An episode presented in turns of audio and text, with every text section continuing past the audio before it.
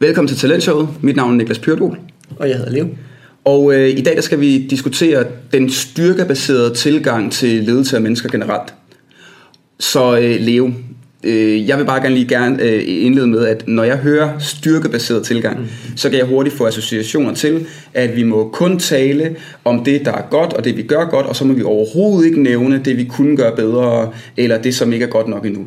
Øh, så, det, så, så prøv lige at nuancere mit billede af en styrkebaseret tilgang til mennesker.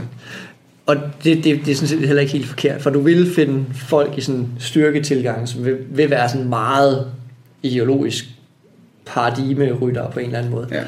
Hvor, hvor det bliver lidt hen af det, du siger der.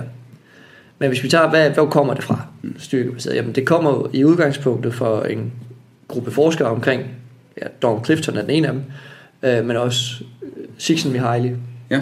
Martin Seligman, positiv, Positiv psykologi. psykologi. Yes. Yes. Det, det er sådan det miljø, vi befinder os i. Ja.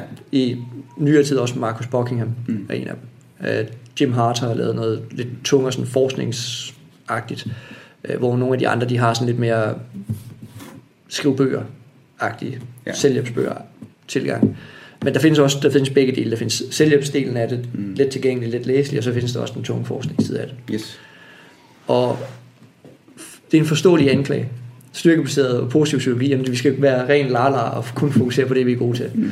Og så er resten ligegyldigt. Øh, hvis man gerne vil arbejde med det, så er det nok ikke en særlig hensigtsmæssig tilgang. Hvorfor ikke? Fordi der er også ting, vi er dårlige til. Ja. og de kommer altså også frem, uanset hvad. Vi kan, ikke, vi kan ikke bare glemme det, så ikke de ting forsvinder, hvis vi ikke tænker over dem. Nej. Øhm, så i stedet for, så vil man sige, at udgangspunktet for at arbejde styrkebaseret med mennesker, Mm. er først at finde ud af, hvad er deres, det vi vil kalde talenter, eller deres styrker. Ja. Hvor er de gode, hvor er det, de, de går på arbejde, og så har de været der i 8 timer, men de synes kun, de har været der i en. Ja. De synes, det er fabelagtigt, de kan gå glade hjem, og alt kører, og de Ja. er super produktive. Mm. Øhm, og det skal selvfølgelig være fokus. Mm. Men det betyder ikke, at vi ikke skal fokusere på, hvad de er dårlige til. Mm. Fordi det, at fokusere på det, er en super, super vigtig erkendelse. Mm. Fordi bare fordi man har nogen styrke, betyder ikke, at man er et komplet menneske. Mm. Så ved at tage og fokusere både på det, man er, der hvor man har sin styrke, men også det, vi kalder non-talenter. Mm. Fordi ikke så meget for at kalde det svagheder. Mm. Øhm, ved at fokusere på det og sige, jamen det er der Mm. for det første. Mm. Det, godt, Niklas, du har også bundtalent, og lige så vel som jeg har bundtalent. Det har vi alle sammen. Der er, alle har områder, som vi ikke nødvendigvis vil excellere i, og aldrig rigtig kommer til. Mm. Hvordan kan vi tage de områder og gøre dem irrelevant? Ja.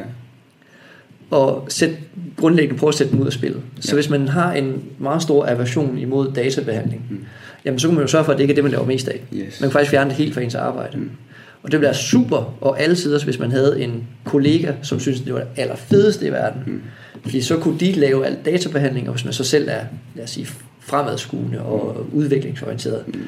men måske har lidt en tilbøjelighed til at gøre det on a whim Mm. og på mavefornemmelse, så kan man nu arbejde sammen med sine kollegaer, der er gode til det her data, yes. Få noget ordentligt data, og så sætte det data i spil fremadrettet. Ja. Det er så interessant der, fordi øhm, nu, jeg, jeg havde en, en, en, en, lille, en lille seance med en CEO, øhm, og, øh, og så drøftede vi ham og hans øh, to kollegaer i direktionen, øh, hvad hedder det, CFO'en og CEO'en. Og så snakkede vi netop om nogle konflikter, der nogle gange dukker op imellem dem og alt muligt andet. Og så øh, sagde jeg okay, prøv at fortælle om, hvornår er det, at I, I er særligt gode? Altså prøv at fortælle om dine kollegaer bare lige nu. Og så blev der sat en masse ord på, så sagde jeg, fint, så lad os lige prøve at skrive det op. Jeres styrker, altså jeres talenter. Der, hvor at I mærker, jeg er bedst, og jeg vil det mest. Så prøver vi at ved siden af i hver boks at skrive jeres jobbeskrivelse. Hvilke opgaver er det, I har besluttet jer for, at I skal løse? Og så nok så er der nogle diskrepanser, fordi vi får sådan et statisk billede af, at hvis man har en bestemt, hvis jeg er bogholder, så er der 12 bullet points i min jobbeskrivelse, mm. fordi det er det, en bogholder skal. Hvor, hvor vi overhovedet tager stilling til, jamen denne her bogholder, altså Beate, Ja. er det også lige præcis de her 12 bullet points, som, Som Beate som. Beate hun er god til, og som hun skal. Øhm, fordi hvis, hvis der er nogle opgaver, som hun ikke er god til, og hun kan ikke lide dem, øh, det er ikke fordi, vi altid kun skal gøre det, vi godt kan lide, men hvis vi alligevel kigger på Beate og siger, prøv at vi skal faktisk i rette sætte dig hver uge, du skal på performance improvement plans hele tiden, fordi der er noget, jamen så, så kunne det tænkes, at vi vil få mere ud af at sige, hey, hvorfor er det, at Beate så ikke bare skifter nogle opgaver ud med Hanne, øh, eller med Henrik. Mm. Og fordi han eller Henrik, de kan faktisk godt lide og gode til noget af det, som, som Bane hun ikke. Præcis, altså, og, så, og så kan man komplementere hinanden. Præcis. Og det er jo for hulen det der er point med at arbejde sammen i teams. Ja. Det er, at vi skal komplementere hinanden. Hvis vi nu kigger ned på individet så, og så siger, øh, hvad skal man sige, øh, du kan vælge at gå to veje til mig, Øh, Du kan vælge at sige, at hver gang vi snakker sammen, så handler det om, at jeg har tre ting, som jeg gør godt, jeg har tre ting, jeg gør dårligt. Og så prøver vi to, og ofte så vil dine øjne måske nok falde på det dårlige, og så vil vi snakke en masse om det, jeg skal gøre bedre. Mm. Hvordan vil det differentiere sig fra, altså hvordan vil det se ud, hvis vi så havde en styrkebaseret tilgang? Altså hvis du arbejdede med mig, men ud fra... Jamen, så vil man jo starte med at først fokusere på, hvor er, hvornår er du egentlig awesome? Ja, Hvornår er du på hjemmebane? Hvornår er du som en fisk i vandet? yes. Hvordan kan vi, hvordan kan vi få mere af det? Ja. Hvordan kan vi tilrettelægge verden omkring så vidt muligt? Og der er altid praktiske omstændigheder, som gør, at det kan man ikke gøre 100%. Mm. Hvordan kan vi tilrettelægge verden omkring dine styrker? Mm. Og det er du rigtig god. Yes. Og de der bundtalenter, hvordan kommer de i spil? De er ret nemme. Det er der, hvor man begynder at prokrastinere. Ja, hvor man sidder og dagdrømmer i stedet for at få lavet noget, Ja. og alt det der. ja, Øhm, det man så i øvrigt prokrastinerer med, det er typisk ens toptalenter. yes. Så hvad kan vi gøre for, at vi ikke ender med grundlæggende at sidde og spille din tid Mm. med de her ting hernede? Kan, er, er, kan vi finde nogen, der kan hjælpe dig med det? Mm. Kan vi have et, jeg er for eksempel super dårlig til at holde overblik. Jeg har intet overblik. Jeg har ikke styr på ting ned i detaljerne sådan su- super meget. Jeg har faktisk ikke styr på noget som helst. Jeg er lige, lige square i midten, så jeg skal, bare, jeg skal bare vide, hvad jeg skal gøre, hvornår. Så kører jeg. Fedt. Øhm, og jeg har heldigvis teamet op med sådan nogen som, som Kenneth for eksempel. Han er Ja. super god til at holde overblik. Vores Ja. direktør Claus er god til at holde overblik. Yes. Og det hjælper mig, fordi det fjerner alt behov for, at jeg skal tænke over de ting. For jeg Ja. bruger uforholdsmæssigt mange kognitive ressourcer på at skulle lave planer og finde ud af, hvad gør jeg hvornår, Ja. og i hvilken rækkefølge. Ja, Så hvis jeg bare får en opskrift, så gør det her, så kan jeg gøre det der. Det Ja. ved jeg, det fungerer for mig. ja, Modsat, hvis jeg, hvis jeg, sagde, hvis jeg kom med en liste over opgaver, med opgaver til Kenneth, Mm. så jeg Kenneth, du skal bare gøre det her, så vil jeg style, fordi det gider han ikke. Nå, præcis. Så, så bliver han trodsig. Jamen det sjove er, nu, nu øh, er jeg også stødt på Buckingham, efter vi to vi har lært hinanden bedre at kende, og jeg er blevet peget i den retning. Og han har et fantastisk eksempel på Messi, som, hvor at, at netop øh, øh, La Masia dernede, de kunne have haft to tilgange til ham. Øhm, og, øh, og efter sigende prøvede de også den første, der hed, det der højre ben der, det skal blive bedre du. Fordi hvis du skal blive en helt fodboldspiller, og det skal man, hvis man skal være verdensklasse, hvis du skal blive en helt fodboldspiller, det der højre ben. Og så på et tidspunkt, så kigger man på mig og siger, prøv at skide hul i det højre ben. Fuck. Fuck det højre ben. Okay, gør det hele med venstre. Ikke?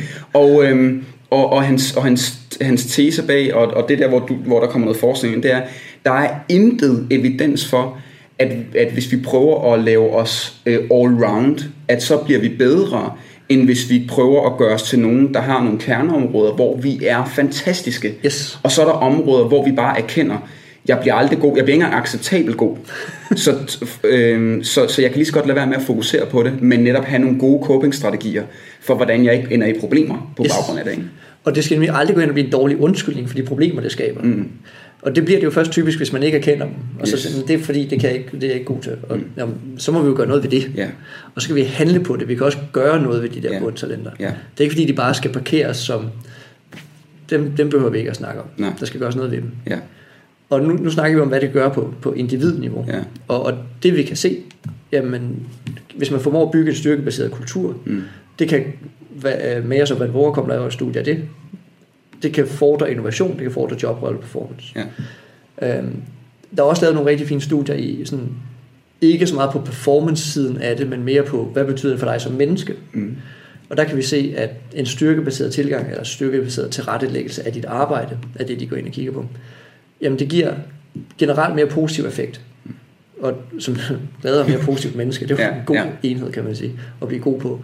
Lavere stressniveau mm, og øget hvad vil sige, rolleklarhed, så hvad er, min, hvad er mit formål i verden? ja, Og det er altså nemmere at gå på arbejde så. ja, Øhm, og så den helt store kigger i forhold til, hvis vi, hvis vi nu skal kigge på performance, mm, det er, at en styrkebaseret tilgang generelt set fordrer det, man kalder engagement.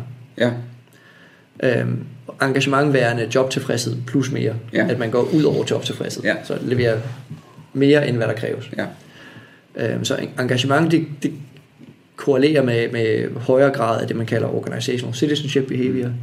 Øhm, altså at jeg leverer mere, end der ligger i min kontrakt. Mm. Så jeg promoverer min virksomhed udad til. Ja. Jeg øh, lægger nogle frivillige timer, Mm. eller jeg gør en masse positivt, og det skal være positivt i øvrigt. Øhm, så organizational citizenship behavior. Øhm, og, og også for, hvordan man passer ind i sit job. Og sådan. Ja. Der er rigtig meget god forskning på det, så vi kan sige, at det virker Mm. på individniveau. Mm. Hvis jeg behandler dig som det individ, du er, behandler, arbejder med dine styrker, jamen, så vil du individuelt set præstere bedre. Yes. Der, hvor det bliver rigtig interessant, det er, at vi ved, at engagement, det ved vi fra to studier af James Harder og kollegaer, hvor den berømte Frank Schmidt i øvrigt er med som meta-analytiker. Yes. Øhm, de kører et studie i 2002, hvor de kigger på, hvad betyder sådan aggregeret engagement-niveauer. Aggregeret. Teamets engagement Ja. Så hvad betyder, hvis vi kigger på engagement sådan over en bred kamp, hvad Mm. betyder det for business unit performance? Ja. Så kan vi tage noget, så skifter man niveau. Ja. Så før kiggede vi på individ til individ, Ja. nu kigger vi på individmålinger Ja. til business units. Ja. Og vi kan se, at business units med højere engagement-niveauer, de præsterer bedre på praktisk talt alle parametre. Yes. Øh, også med en relativt stor marked. Yes. Det laver de i 2002, det er udgivet i tror, Journal of Applied Psychology, altså en af de store tidsskrifter. Ja, det er noget Gallup-data, de bruger, så de har sådan en, de 100.000 vis af respondenter. Det er helt tosset. Ja. Øhm, og det de så gør i 2010, nogenlunde samme crew, Schmidt og Harder som sådan de primære forskere på det, det er, at på det tidspunkt har de fået indsamlet noget mere af det, man kalder longitudinal data. Mm. Altså de har fulgt teams over tid, Mm. og haft engagement-målinger og performance-kriterier, målinger på tidspunkt 1 og senere. Yes. Og det vil sige, at så kan vi lave altså path-analyse. Mm. Så problemet i det første studie er, at vi kan ikke sige, om det er fordi det går godt, at folk bliver mere engageret, Mm. eller det går godt, fordi folk er mere engageret. Nej. Så det, det, det, det kan gå begge veje. Mm. Og den der problemstilling, der ligger i det, øh, frem og til, altså direction of causality, mm. som det hedder, den får de altså afklaret i 2010-studiet. Okay. Så de kan simpelthen sige, at det går lidt begge veje. Der er lidt, at en, en hvad man siger, god performance giver noget ekstra engagement. Mm. Men det går meget mere den anden vej. Mm. Så der er meget mere positiv effekt fra engagement til performance end Yes. den anden vej. Og en styrkebaseret tilgang giver mere engagement. Som giver mere performance. Og igen, rent logisk, altså, så giver det også mening, at hvis jeg konstant bliver bedt om at forbedre ting, som jeg naturligt er dårlig til, som jeg ikke synes er interessante, øh, i stedet for at nogen kigger på mig og siger, okay, prøv at, øh, hvordan kan vi enten bruge dine, styr, dine egne styrker til at kompensere for dig, Yes. øh, eller til at kompensere for det. Det vil sige, at vi sætter faktisk nogle strategier op, hvor det du kan og vil, det bruger vi. Mm. Eller, hvordan, eller op, endda nok på samme tid, hvordan kan vi også få teamet til at anerkende og forstå, hvordan de skal kompensere for dig, så, så andre menneskers styrker, det vil sige det de kan og vil, det sjovt nok øh, går ind og hjælper dig med at, øh, at løse de ting, som du har svært med. Præcis. Og det er der, hvor jeg synes, at styrkebaseret bliver særligt vigtigt, fordi en ting er at sige, at I skal arbejde med engagement. Mm. Det, det er ikke særlig konkret. Nej. Men vi kan, man kan lave nogle meget, meget konkrete strategier. Det er super operationelt at arbejde med styrke, altså den her styrkebaserede tilgang. Ja. Den er altså en model, som plug and play agtig Ja. Fokuserer på det her op og mindre på det her ned. Gør Yes. det her ned irrelevant osv. Ja. Så vi kan altså tage det her sådan lidt abstrakte, svære begreb engagement. Så har vi værktøjerne til det, Ja. og vi ved, at hvis bare vi fokuserer på engagement, så følger der med meget, meget stor sandsynlighed Ja. en række positive performance-parametre med. Helt konkret, så jeg kan, det er bare igen en anekdote, en ansættende chef, der var meget refleksiv. Øh, De fleste ansættende chefer, når de rekrutterer, så vil de gerne have hele pakken. Ja. Det vil sige, når vi nu sidder og udarbejder cases med dem, så, så er der altid fire til syv delopgaver, fordi de skal have den kompetence, den kompetence, den kompetence. Hvor at, øh, at, øh, der var en ansættende chef her, en, en director for operations, som oprindeligt havde sagt, jeg vil have de og de og de kompetencer. Og så kom han netop tilbage, heldigvis på egen hånd, og sagde, ved du hvad, jeg har faktisk reflekteret over det. De, vi har slet ikke brug for, at de har projektledelseskompetence. Fordi jeg kan bare få en anden person til at tage den del, så jeg vil faktisk hellere have en fagspecialist, altså en, der er virkelig nørdet på de her ting, og elsker det, og så, og så lad os glemme det der projektledelse, fordi hvis jeg alligevel prøver også at finde en person, der også kan det, så får jeg netop, så prøver jeg at finde en anden all-around, Yes. et eller andet, hvor i stedet for, så tager jeg specialisten her, så kan jeg få en, en af dem, som jeg allerede har, der er projektleder, hvor at, så kan de jo godt gå ind og hjælpe til og lave noget, lave noget støtte og noget support. Ikke? Og det er bare sådan en fed tilgang. I stedet for, at vi hele tiden prøver at finde fulde pakker, så finder vi nogen, der har særlige styrker inden for særlige områder, og så beder vi teamet om at hjælpe til. Yes. Og den projektleder vil elske sit arbejde endnu mere, for jeg fik, lyst til at lave, jeg fik lov til at lave endnu mere af det, han eller hun nu var bedst til. Præcis. Så alle vinder. Ja. ved det. Det, det, det, det, det, det er der, hvor vi gerne vil hen. Ja. Øhm, og så kan man sige, der er også sådan et moralsk spørgsmål. Skal man bruge så lang tid af sit liv, som et arbejde jo er, Ja. på at lave noget, man grundlæggende set ikke gider? Ja. Jamen, det, og det er... Øhm, og så tilbage til begrebet psychological safety. Altså det der med, hvis vi kan... Nu min, øh, min øh, øh, partner i firmaet, Thomas og jeg, jamen vi, øh, vi kan tale helt åbent og ærligt omkring det, vi er dårlige til. Øh, og vi har ofte det her sådan, fart og perfektion Ja. og balancen i det, og hvor jeg i høj grad symboliserer øh, fart øh, over perfektion, og Thomas han, han er så ret høj på begge dele, han kan både være meget hurtigere, og, men han i relationen til mig, ja. der er han mere perfektion over fart. Og den første måned, da vi lige skulle være, co- være, være co-founder sammen, så, øh, så gned vi lidt op og ned af hinanden, og der var lige et par konflikter og sådan noget, men fordi vi så kunne tale om det, så, så har vi den perfekte balance nu, hvor at jeg kan få lov til at eksekvere rigtig, rigtig hurtigt. Jeg kan træffe mange beslutninger, så jeg kan virkelig få noget til at ske. Og Thomas, han har fuld mandat til at gå ind, og så lige at rette nogle ting, uden at han behøver at spørge mig om lov, fordi jeg ved, at jeg gør nogle gange ting. Jeg gør, jeg gør 100 ting på 80 procent, Øh, og han går ind, og han er rigtig dygtig til at gøre, få det fra 80 til 100. Mm. Men hvis jeg skulle gøre ting 100% selv, så ville jeg kun nå 10. Ja. Fordi jeg ville være så træt af, at jeg skulle flueknæppe alting, og jeg skulle gøre alting ud helt færdigt. Øhm, og lige så vel som at når det så kom til ham, fordi han er god til at finde detaljerne, han er god til at tage det, det sidste step, så vil jeg jo også tage noget fra ham. Noget, hvor lige nu, der, altså, øh, jeg kan jo på daglig basis sige til ham, tak fordi du lige gad at rette det der, tak fordi du lige gad at, og han synes det er fedt, han kigger på mig og tænker, tak fordi du gider, og bare, du ved, pounder ud af at få ting til at ske, ikke? Og er det ikke smukt? Ja, men det er for, det jo, det og er jeg tror faktisk, nu, nu startede vi, vi kan gå full circle og slutte af med din startantagelse om, at jamen, det betyder bare, at vi kun skal lave det, vi er gode til, og svagheder, det er bare lige meget. Og pointen er jo netop, at vi skal erkende vores svagheder, og vi skal erkende dem over for hinanden. Ja, De her svagheder eller non-talenter bliver først rigtigt et problem, hvis vi insisterer på, at vi ikke har dem. ja, og agerer derefter. Yes. Og jeg er bange for at vise dem, fordi jeg skal være et komplet menneske, så jeg vil ikke vise min, hvad der ligger på bagsiden af medaljen. ja lige. Eller hvis, hvis vi som ledere insisterer på, at det er uacceptabelt, du har så lavt niveau på det punkt, og det skal du bare løfte, og hvis ikke du løfter det, så kan du ikke være her. Ja. Altså, så, det, det, altså, det er doom for failure. Du kan lige så godt tage den person og bare sige, prøv jeg kan enten sætte dig på sådan en PIP, sådan en performance improvement plan, hvor vi kigger ned i det, du er allerdårligst til, eller også så kan jeg sige til dig nu, ved du hvad, du skal nok finde et andet sted at være. Altså Ja. det, og det, fordi det er hip som har du, det æder med med Det er bare prolong Ja, lige pain. præcis, lige præcis. Fedt. Så en styrkebaseret tilgang, både forskningsmæssigt, der er resultater på individniveau, på teamniveau, på organisationsniveau. Der er, noget, der er også noget fedt i at kunne arbejde på den måde, på individniveau og på teamniveau. Øhm, så der er vel ikke nogen undskyldning for ikke at, øh, at i hvert fald blive mere nysgerrig, hvis man sidder derude og hører det her for første gang på, hvordan kunne jeg sætte det her i spil som leder, eller i min arbejde med mit team, eller måske bare mig som individ. Enig. Cool. På den note, tak fordi I lyttede med og så med.